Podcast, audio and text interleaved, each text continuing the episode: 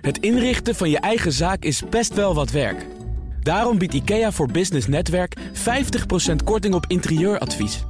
Word gratis lid en laat je werkplek voor je werken. IKEA, een wereld aan ideeën.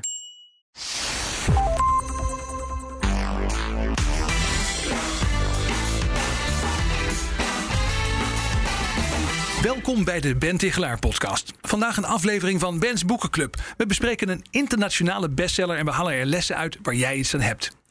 Deze keer gaat het over het boek Atomic Habits of Elementaire Gewoontes van James Clear. We gaan een paar van de belangrijkste lessen uit dit boek met je delen in 23 minuten. Voor we beginnen, eerst nog even dit. Deze podcast wordt mede mogelijk gemaakt door Nijrode Business Universiteit. Ben jij toe aan een volgende stap in je carrière en zit je te denken aan een deeltijdopleiding in bedrijfskunde? Nijenrode Business Universiteit biedt hiervoor verschillende programma's aan. Check nijenrode.nl slash bedrijfskunde voor meer informatie en kies de opleiding die het beste bij je past.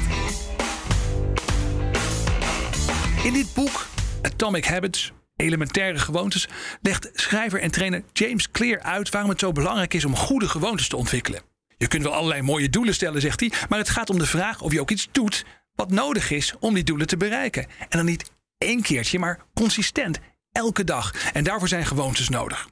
Wat is een gewoonte dan? Nou, volgens James Clear is het gedrag dat vaak genoeg wordt herhaald om een automatisme te worden. Laten we eens even gaan luisteren naar wat James Clear er zelf over zegt. just kind of basic math. Like if you just look at the numbers, if you were able to improve by 1% each day for an entire year, and those gains compound, you would end up 37 times better at the end of the year. And if you were to get 1% worse, you would whittle yourself almost all the way down to zero. What's interesting here is that everybody wants a transformation, right? Everybody wants a radical improvement, we want rapid success. But we fail to realize that small habits and little choices are transforming us every day already. There are four stages of habit formation. The four stages are noticing, wanting, doing, and liking. Noticing, wanting, doing, and liking. Nou, daar gaan we het over hebben met elkaar. Ik bespreek het boek vandaag met mijn panelleden. Suela Jeltsin, oprichter van podcast productiehuis Foefoe en Dadels... van crossmediaal platform Nederturk... en daarnaast schrijver, programmamaker en onderzoeker. En Maurice Seleki, hij is hoofdcommunicatie en marketing... van het Amsterdam Museum, ook auteur en moderator. Meteen maar eventjes met de deur in huis vallen, mensen. Eh, dit boek gaat over het ontwikkelen van effectieve, productieve gewoontes. Zijn er nou bijzondere gewoontes die jullie al hebben of zouden willen ontwikkelen? Suela, als ik met jou mag beginnen. Ja, nou, ik heb wel eh, een gewoonte die ik heel graag zou willen ontwikkelen. Dat is namelijk, ik ben op dit moment bezig uh, met behulp van begeleiding aan mijn eerste roman. En de gewoonte die ik ja. zou willen ontwikkelen is om iedere ochtend te gaan schrijven. En tot heden lukte me dat nog niet. En door het boek van James Clear weet ik eigenlijk precies waar, ik de, waar de fout zit. Oh, daar mag je meteen even iets meer over zeggen. Want heb je nou geleerd ja. waarvan je zegt dat ga ik dus meteen toepassen? Um, het stapje make it easy. Ik had een veel te hoog doel, uh, namelijk. Want ik dacht, nou, ik wil elke ochtend beginnen met schrijven. Weet je wat ik ga doen? Ik ga van 6 uur s ochtends tot 9 uur s ochtends, drie uur lang, schrijven. Nou, ja. en van een gewoonte die nog niet bestaat tot iets wat je een gewoonte wil maken, is dat een veel te grote stap. Ja. Al dus James. En nu snap ik dat ook. Dus nu ben ik begonnen uh, sinds een week met een kwartiertje. Veel kleiner maken, veel makkelijker. En dat lukt. Tot... En dat lukt dus gewoon. Ja. En dat komt door dit boek waar wij het over Ja. gaan hebben met elkaar. Ja, precies. Hartstikke leuk. Zeg Maurice, eh, bij jou ook zo'n soort gewoonte die je of al hebt of die je nog wilt ontwikkelen. En waar je dit, ja, deze kennis van vandaag op kunt toepassen. Ja, zeker. Ik heb, ik heb twee eh, gewoontes, maar die komen meer vanuit. eh, ja, zeggen dat uit de cosmetische hoek. de dagelijkse verzorging. Eh, nou, de ene gewoonte is dat ik al jaren zwarte kleren draag. En Ja. dat, dat, dat, dat lijkt een soort fashion statement. Maar het is eigenlijk ook met name bedoeld om minder keuzes te maken als het gaat om wat moet je aantrekken iedere dag. Ja, maar je hebt wel mazzel. Het, eh, sta- het staat jou ook goed. Hè? Dat helpt natuurlijk wel ook mee. Ja. nou, dank je daarvoor. dat klopt, Ja, dat klopt. I agree. Dankjewel. Eh, en de tweede gewoonte eigenlijk, en dat, is, eh, dat, is, dat heeft met, eh, met scheren te maken. En dat is dat ik me iedere eh, zondag eigenlijk eh, scheer. In plaats van iedere dag of iedere, iedere, iedere week op een ander moment, op een willekeurig tijdstip. En dat, dat maakt het, het scheren zelf tot een, een fijn ritueel. Eh, en tegelijkertijd zeg maar, heb, je qua, heb ik in ieder geval met mijn baardgroei de perfecte timing. Want op eh, maandag zie ik er eh, weer fris en fruitig uit. En op vrijdag heb je een soort van fijn weekendbaardje. En dan, eh, Dan nou, denken mensen weer, laat hem nu ook maar naar huis gaan. Denk Ja, precies, Ja, precies. Ja. nou, heel mooi. Je bent, het is, we nemen dit op op maandag, dus het is hartstikke goed. Wou Ja, net zeggen, het ziet er nu heel fris ja, het uit. ziet er heel fris uit. Goed, eh, Waarom zijn gewoontes zo belangrijk? James Clear zegt er van alles over. Maar als ik het even aan jou vraag, hè? Uh, Suela, om maar eventjes te beginnen. Ja. waarom zo belangrijk? Gewoontes. Nou, ik denk dat we heel veel gewoontes um, onbewust doen. En dat hij ons eigenlijk leert dat als je bewoontes, uh, gewoontes bewust gaat doen, met name goede gewoontes, dat je echt de regie kan nemen over waar je naartoe wil. En ik denk dat goede gewoontes eigenlijk hetgeen zijn wat tussen de huidige situatie en de gewenste situatie staat. Ja. Dus heel belangrijk als je het mij vraagt. Ja, Maurice, hoe kijk jij ernaar? ik vind die definitie van. Want heel veel mensen die hebben dus eigenlijk al een heel patroon van gewoontes. En dat is ook wat James Clear uh, ook duidelijk aangeeft. En trouwens, what's in the name? James Clear. Heeft een hele sterke naam voor. voor Daar word je gewoon jaloers van, hè? Ja, precies. Ja. Uh, en wat hij eigenlijk ook zegt is: het gaat eigenlijk niet om de uh, doelen. Uh, het gaat eigenlijk om de methodes. En die methodes, het systeem, dat is eigenlijk uh, wat je moet, moet aanpakken als je gedragsverandering wil bewerkstelligen. Ja, hij zegt eigenlijk ook, als je dus geen doelen zou formuleren, maar je zou wel goede gewoontes hebben, kwam je alsnog goed uit. Terwijl als je wel doelen hebt, maar geen goede gewoontes, nou, dan kom je nergens. Raak je hooguit gefrustreerd. Hè? Ja, precies. Hij noemt dat het verschil tussen de professional en de amateur. Vond ik een hele pakkende. Ja, ja. ja. de amateur die laat zich overrompelen door het dagelijks leven. Terwijl de uh, professional zich altijd aan het plan houdt. Ja. Wat ik ook een mooi voorbeeld vond op dit gebied, en dat ook een beetje het belang van gewoontes illustreert, is dat als je dan een vliegtuig hebt en je zou de neus van het vliegtuig maar een paar graden draaien, hè, dat is dan zeg maar in zijn optiek is dat dan een kleine verandering in je gewoontes, maar een paar graden de neus van het vliegtuig draaien en je gaat dan een paar honderd of een paar duizend kilometer vliegen, dat je echt op een totaal andere plek uitkomt. En ik vond het wel een heel mooi beeld dat als ik vandaag iets in mijn gewoontes zou veranderen, dus ja, bijvoorbeeld iedere dag een kwartier schrijven, dan heb je dus na een tijdje heb je een geweldige roman. En anders had je niks. Ja, ik vind dat, dat, vond, dat vond ik zelf heel aansprekend ook. Ja, ja eigenlijk is inderdaad ook een, deel van zijn uh, filosofie is dat als je dus uh, eh, 1% uh, eh, per dag verandert, dan ben je na een jaar 37 keer beter. In, in wat je ook dan. 37 keer beter. Ja, dus dat is echt enorm veel. En dat lijkt natuurlijk ook hè, in de analogie op bijvoorbeeld uh, sparen en beleggen. Oh ja, hè, dus, ja. dus dat je ook je vermogen kan laten, kan laten aangroeien. Dat is rente op rente, dat verhaal eigenlijk. Ja, dat rente op rente verhaal. En tegelijkertijd haalt hij daar ook allerlei biologische principes uh, bij. Hoe dus ook aardverschuivingen kunnen ontstaan... doordat er de hele tijd hele kleine uh, veranderingen zich opeenstapelen. Ja, Vier fasen zitten er in de ontwikkeling van een gewoonte, zegt hij. En daar horen ook vier wetten bij. Ik ga ze even kort doorlopen, dan duiken we er gewoon met z'n vier eens even goed in. Hij zegt het begint ermee dat je een soort aanwijzing krijgt, een cue, een prikkel. En, en dat zet dan een gewoonte in gang. Uh, dan komt er eerst een soort verlangen op gang, craving. En dan komt dus de actie, de response wordt het dan in het Engels genoemd. En daarop volgt dan een beloning, een reward. Dus vier fasen, aanwijzing, verlangen. Dan voel je van binnen, oh ik moet iets gaan doen. Uh, dan onderneem je actie en dan volgt er een beloning. En dat, dat patroon eigenlijk, dat is de, ja, je zou kunnen zeggen, de anatomie van een gewoonte. En dan zegt hij, je moet dan ook bij die vier stappen die in een gewoonte zitten, moet je ook vier uh, maatregelen eigenlijk nemen. Het zijn vier wetmatigheden op het vormen, met betrekking tot het vormen van gewoontes. Eén is maak het zichtbaar. Make it obvious in de Engelse vertaling. Of het eigenlijk originele Engels moet ik zeggen. Ja. Maak het zichtbaar, make it obvious. Uh, twee, maak het aantrekkelijk. Make it attractive. En dan drie, maak het gemakkelijk. Make it easy.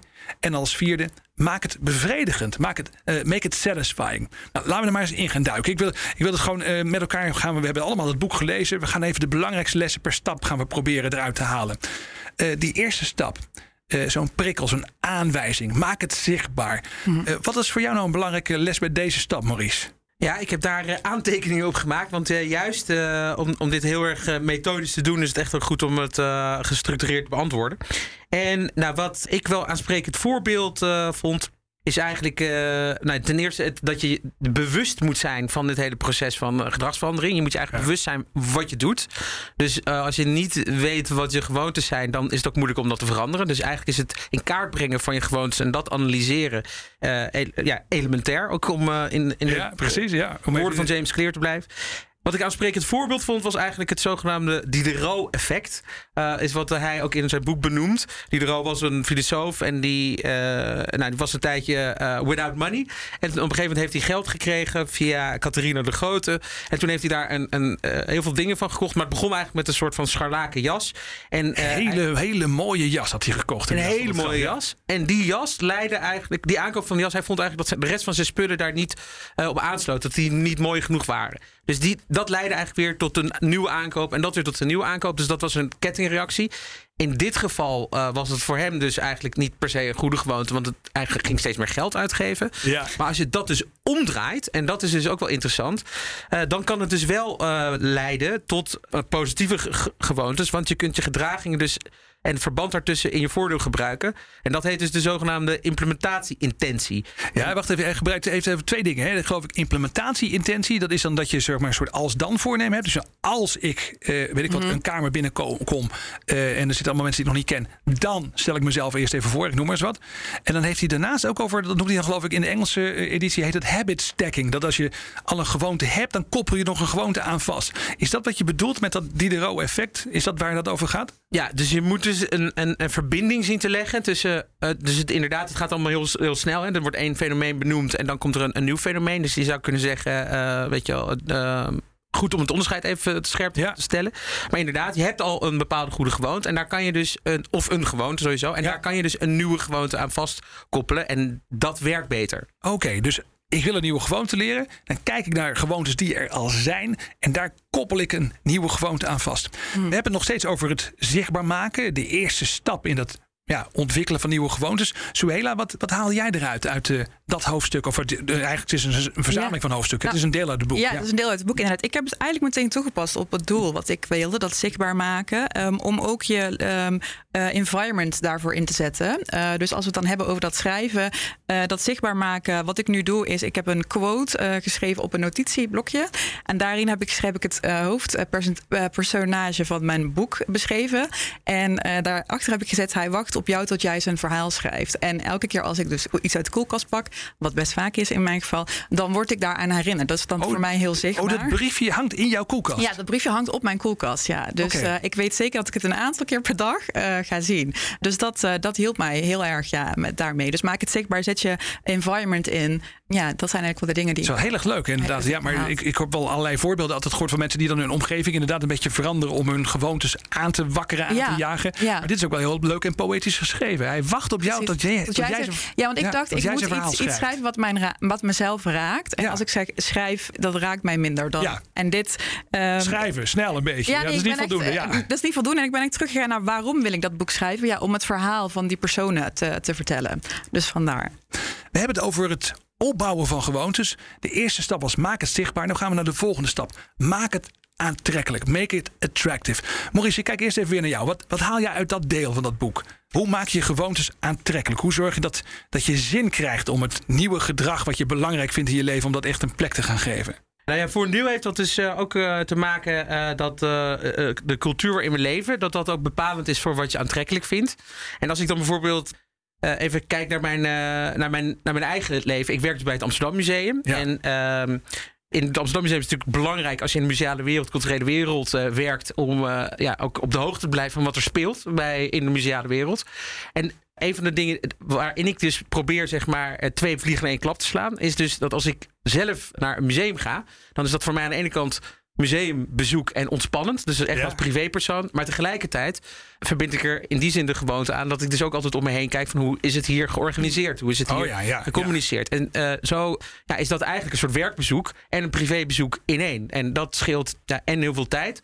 Maar het eh, zorgt ook voor dat, het, dat een werkbezoek voor mij ook nooit dat ik dat nooit zie als een werkbezoek, omdat het gewoon eh, ook ontspannend en, en leuk is. Ja, je koppelt dan eigenlijk iets leuks aan iets wat je graag zou willen doen of wat je wil verbeteren. Precies dat. eh, Ja, exact. ja, Ja. mooi voorbeeld. Ja, wat, je, Wat voor soort dingen heb jij eruit gehaald? wat ik daarop uitgehaald is ook ehm, maak het aantrekkelijk. Ja, iets leuks koppelen aan. Dan ga ik weer even terug naar het schrijven. Ehm, maar wat ik daar heb uitgehaald is dat ik ehm, het voor mezelf gemakkelijk of ja, eh, aantrekkelijk wil maken door gewoon in bed te blijven. Als ik, dus ik hoef de ochtend er niet uit, maar ik blijf in bed en ik schrijf in bed. Dat is eh, wat Dat Churchill is- ook deed. Hè? Die heeft heel veel boeken Ja? geschreven in bed. Ja, ja nou, zeker. dan heb ik het. Kijk, dat is Ja. Een heel fijne, aanmoedigende gedachte om, om erbij te houden.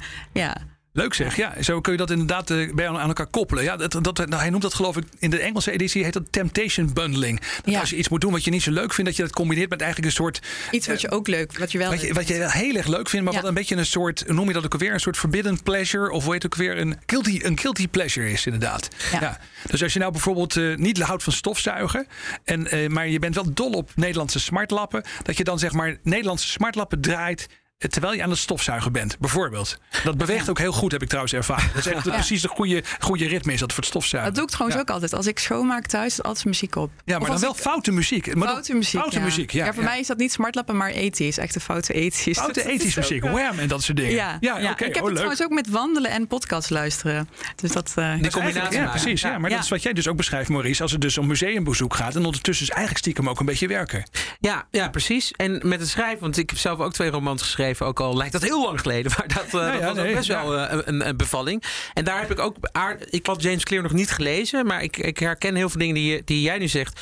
En nou, een van de dingen is dus ook daar dus weer de juiste muziek opzetten en de juiste omstandigheden creëren voor jezelf. Ja. Eh, en dat waren nog geen 80s, maar, eh, of tenminste, dan bijvoorbeeld de Smiths of zo, of The Cure. Dus laten we zeggen wat, wat, Oh ja, eh, ja, ja. wat politiek correctere jaren 80 muziek. ja. En ook ja. mensen die trouwens veel zwarte kleren droegen. Dat ook nog weer even. Exact, ja. toch en, wel. En, ja, het en- makes sense. Ja. En dat zie je dus nu ook. eh, en volgens mij zijn er dus heel veel mensen die, die met bepaald soort muziek werken. En van die deep work lijstjes, hè, op Ja. Spotify bijvoorbeeld. Waarin je dus eigenlijk eh, sp- ja, speciale muziek van You Baving of zo, weet je, van dat soort muziek. Minim- minimalistische muziek die je echt in zo'n zo'n workflow eh, krijgen. Oh ja, om je bepaalde de moed die je wil, om je daar toe te, te- toe te zetten. Ja. Ja, ja, Ja. ja. Nou goed, we hebben al twee stappen doorlopen. hè. Het was, de e- eerste stap is maak het zichtbaar. De tweede stap is maak het aantrekkelijk. En dan gaan we naar het, het echte gedrag. De derde stap in dat habit-proces zoals hij het beschrijft. En dat gedrag moet je zo makkelijk mogelijk maken. Dan ga ik even naar jou, Suela. Wat heb jij uit, uit die delen gehaald over dat makkelijk maken? Make it easy. Ja, het make it easy voor mij is echt baanbrekend de two-minute rule. Dus de twee minuten regel. Door gewoon twee minuten de habit te doen in het begin. En Ja. het je dan eh, eigen te maken. En wat ik ook heel erg inzichtgevend vond, is dat het dus niet gaat om de eh, intensiteit, maar om de frequentie. Ja. Dus begin er met twee minuten. Ja, in mijn geval dan nu een kwartier, maar en dan steeds vaker doen. Dus ik ga zo nog wel heel veel andere habits. eh, Dus hele kleine stapjes. Hele hè? kleine je moet het in twee minuten kunnen doen. Zegt de eerste keer dat je een nieuwe habit Precies. uitvoert, moet het gewoon in twee minuten kunnen. ja, precies. Zo simpel eigenlijk. Maar eh, vaak denken we er zo niet na. Ja, ja en bijvoorbeeld, eh, ehm, hij zegt ook van, eh, ja, je, je kan, eh, als je naar de sportschool wil bijvoorbeeld, ja, kan je allerlei verschillende keuzes maken. Maar het is het makkelijkste als dat in de buurt van je huis of in je, van je werk ligt, zodat je ook dat soort structuren makkelijker maakt. Dat voorbeeld van de sportschool dat vond ik wel heel mooi. Van die man die iedere dag vijf minuten naar de sportschool ging. Ja. En uiteindelijk wel zijn doel bereikte. Dat vind ik zo'n aanmoedigend bericht. Ja, dat is leuk hè. En dan denk je bij jezelf, ja, maar dan kan ik het ook wel. Precies. Dat is precies natuurlijk waar het om gaat. Ja. Wat ik ook heel sterk vond in dat hoofdstuk, dat hij op een gegeven moment ook zegt van ja, maar je moet ook niet van alles per se een gewoonte willen maken. Als er nou dingen zijn die je bijvoorbeeld aan de techniek kunt overlaten, die je gewoon kunt automatiseren. Ja. Doe dat dan gewoon. Hè? En ik moest er nog aan denken, want ik had laatst een discussie met iemand over duurzaamheid. Nou, dan kun je natuurlijk van alles verzinnen wat je allemaal zou moeten doen in je gewoontes. Maar eh, nou ja, als je bijvoorbeeld zegt van nou, eh, je wilt bijvoorbeeld het licht in ruimtes in je huis waar je niet bent, wil je het licht niet aan hebben, want dat is allemaal verspilling. Dan kan je natuurlijk jezelf proberen een gewoonte aan te leren. Maar je kunt ook gewoon bewegingssensoren in die kamer eh, installeren. Die zijn zo duur, zit je gewoon in de wand. En als je dan zeg maar, als er 10 minuten geen beweging is, gaat het licht gewoon uit. Of, of je vervangt in ieder geval allereerst maar eens even alles door, door spaar of door, door, door ledlampen. Ja. Om maar eens te beginnen. En ik denk van ja, dat is wel heel realistisch eigenlijk. Want eh, soms kun je een doel ook bereiken zonder gedragsverandering door het gewoon aan de techniek over te laten. Ik denk ja, heel realistisch. Ja, maar daarvoor is dus weer dat bewustzijn van al die eh, van je gewoontes is dus weer heel belangrijk. Ja, Ja. precies. Eh, want dan weet je ook dus waar je de wrijving eh, eh, kunt elimineren. En, en bijvoorbeeld hele handige tips, ook voor de mensen thuis zijn bijvoorbeeld de televisie. Als je die uit het uit huis eh, zou eh, zetten. Of je mobiele telefoon niet in de slaapkamer. Weet je, dat soort eliminatie van ruis. Zeg Ja, maar, dat, ja. dat wordt ook aanbevolen. En dat zijn vaak eenmalige stappen. Maar het soms bijvoorbeeld zeker van die telefoon. Ik denk dat heel veel mensen dat wel zullen herkennen. Weet je, hoe lang lukt het jou om je slaapkamer niet... of je telefoon niet in je slaapkamer te Ja, tolereren. Dat is een hele belangrijke... Dat is een belangrijke stap. En Maar eigenlijk alles wat je, wat doet om meer frictie te creëren tussen jou en die nou ja, slechte gewoonte dan in dit geval. Hè, dat, dat, dat helpt dus ook. En Ja. in andere gevallen moet je dus proberen die frictie weer te verminderen. Daar gaat het dan Ja. een beetje om. We moeten alweer naar de volgende. En dat is eh, stap 4. Maak het bevredigend. Het wordt nooit een gewoonte als het niet fijn voelt. Als je allerlei dingen doet, maar het blijft vervelend voelen, wordt het nooit echt automatisch. Hè? Maar Dat zeggen allerlei onderzoekers, maar dat zegt James Clear, die zegt het dus ook.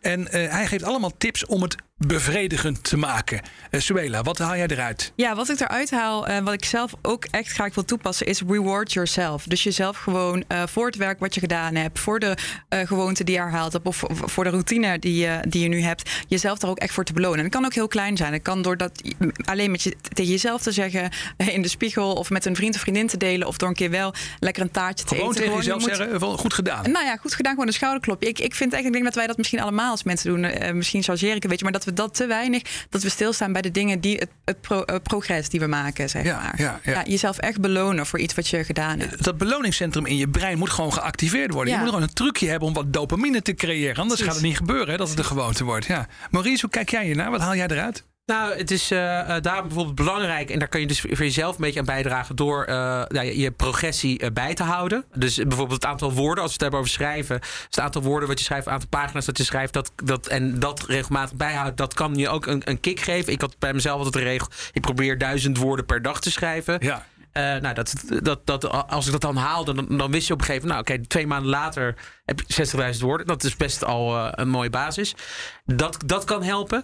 Uh, wat ook even, kan helpen... Even als tussendoor, hè, als ja. ik daar even op mag reageren. Ja. Want ik hoor wel eens mensen, ik doe dat zelf ook. Hè, dus de hoeveelheid woorden die je schrijft als je bezig bent met een nieuw boek... gewoon bijhouden per dag. En dan zijn er mensen die zeggen, ja, maar dat is helemaal niet creatief... of het gaat er toch om, je moet wel hè, de spirit hebben... of de inspiratie om te schrijven. Ja. Ik las een keer, jaren geleden al... dat Ernest Hemingway notabene Nobelprijswinnaar, hè, uh, dat die op een gegeven moment uh, dat ook deed. Die heeft altijd gewoon, die wilde 500 woorden per dag schrijven.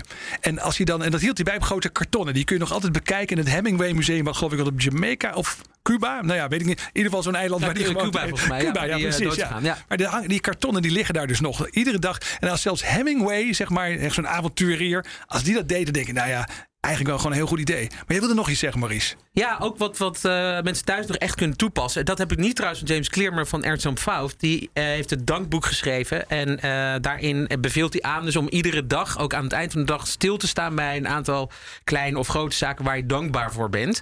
En dat kan dus bijvoorbeeld deze podcast. Nou, het is toch hartstikke leuk om deze podcast op te nemen met elkaar en dit gesprek aan te gaan. Dat is echt iets wat je niet iedere dag doet. Ja. Nou, daar kun je dus dankbaar voor zijn. Ja. Nou, en zo heeft iedereen. En als je daarbij stilstaat, ja. ja. precies, dan, dan, dat, dat zorgt dus voor dat beloningsgevoel. En zo heeft Precies. iedereen kleine en grote dingen, zeg jij. Ja, dus als jij uh, dus toch je, je hart het looprondje hebt gemaakt, uh, als je squats hebt gedaan, als je je mm. duizend woorden hebt gehaald of, of, wat dan ook, um, dan, dan kan je daar dankbaar voor zijn. En als je daarbij stilstaat, dan helpt dat. En zeker ook aan het eind van de dag om, om ja, uh, je ook beter te voelen, mentaal ook beter te voelen. Ja, mm. ja. Nou, we zijn alweer bijna aan het einde gekomen. Dus we moeten een heel snel rondje maken met de beste tip die je echt niet mag vergeten uit dit boek. Dus ik ga het eerst aan jou vragen, Suela. Ja, heel moeilijk om de beste tip te kiezen, want er zijn er superveel. Nou, een beste tip is, um, een beste tip is dat uh, succes geen doel op zich is. En dat het een constante uh, pro progress is. En dat je constant naar verbetering kan streven. En dat je daar ook ruimte voor moet laten om flexibel te zijn. En wat ik dan ook heel graag wil benoemen is, wat ik heel mooi vind, is dat hij zegt dat hij ieder jaar afsluit met een integriteitsrapport. En dat betekent eigenlijk zoiets als bij jezelf nagaan of je de oerwaarden waar je zelf voor staat, of je dat doortrekt in je werk en in je leven. Uh, door een paar simpele vragen te beantwoorden. En dat is iets wat ik uh, zeker ook ga doen. En wat voor de luisteraars denk ik ook heel fijn is. Om integriteitsrapport bij jezelf af te nemen. En Maurice, bij jou? Wat is die tip? Nou, de tip is eigenlijk uh, om als je misschien het, het, het, idee van een heel boek uh, te veel vindt nu, om je dan te abonneren op de nieuwsbrief, uh, de wekelijkse nieuwsbrief oh, ja. van James ja, Clear. Die is heel goed ook, ja. Ja, ja. De, de 321 nieuwsbrief, waarin hij dus eigenlijk heel kort, heel beknopt op uh, uh, iedere donderdag een aantal uh, ja, inzichten meegeeft waarmee jij, en dat is vaak echt al direct toepasbaar, je leven stap voor stap, gewoonte voor gewoonte, heel klein kan verbeteren. Ja, hij heeft de achternaam ook echt doorgevoerd in zijn benadering. Zijn website is heel erg clear. Zijn nieuwsbrief is ook heel erg clear en ook goed geschreven. Nee, ik kan het zeker uh, aanbevelen. Ja, als ik zelf nog één ding mag noemen, wat ik zelf ook wel heel mooi vond. Hij zegt, ja, als je nou wilt veranderen wie je bent. Hè, want sommige mensen zeggen, ja, ik ben eigenlijk niet tevreden over mezelf. Ik zeg dit. Dan gaat het uiteindelijk, zegt hij, om, om veranderen wat je doet. Wat je iedere dag doet, is ook wie je uiteindelijk wordt. En dat is, nou ja, daar zegt hij nog veel meer over in het boek. Maar daar hebben we vandaag geen tijd voor. Hartelijk dank, Suela Jeltsin en Maurice Seleki voor jullie inzichten en uh, persoonlijke ontboezemingen ook. We bespraken het boek Elementaire Gewoontes van James Clear.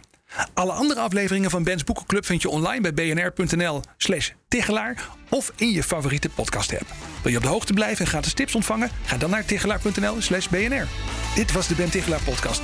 Dank voor het luisteren.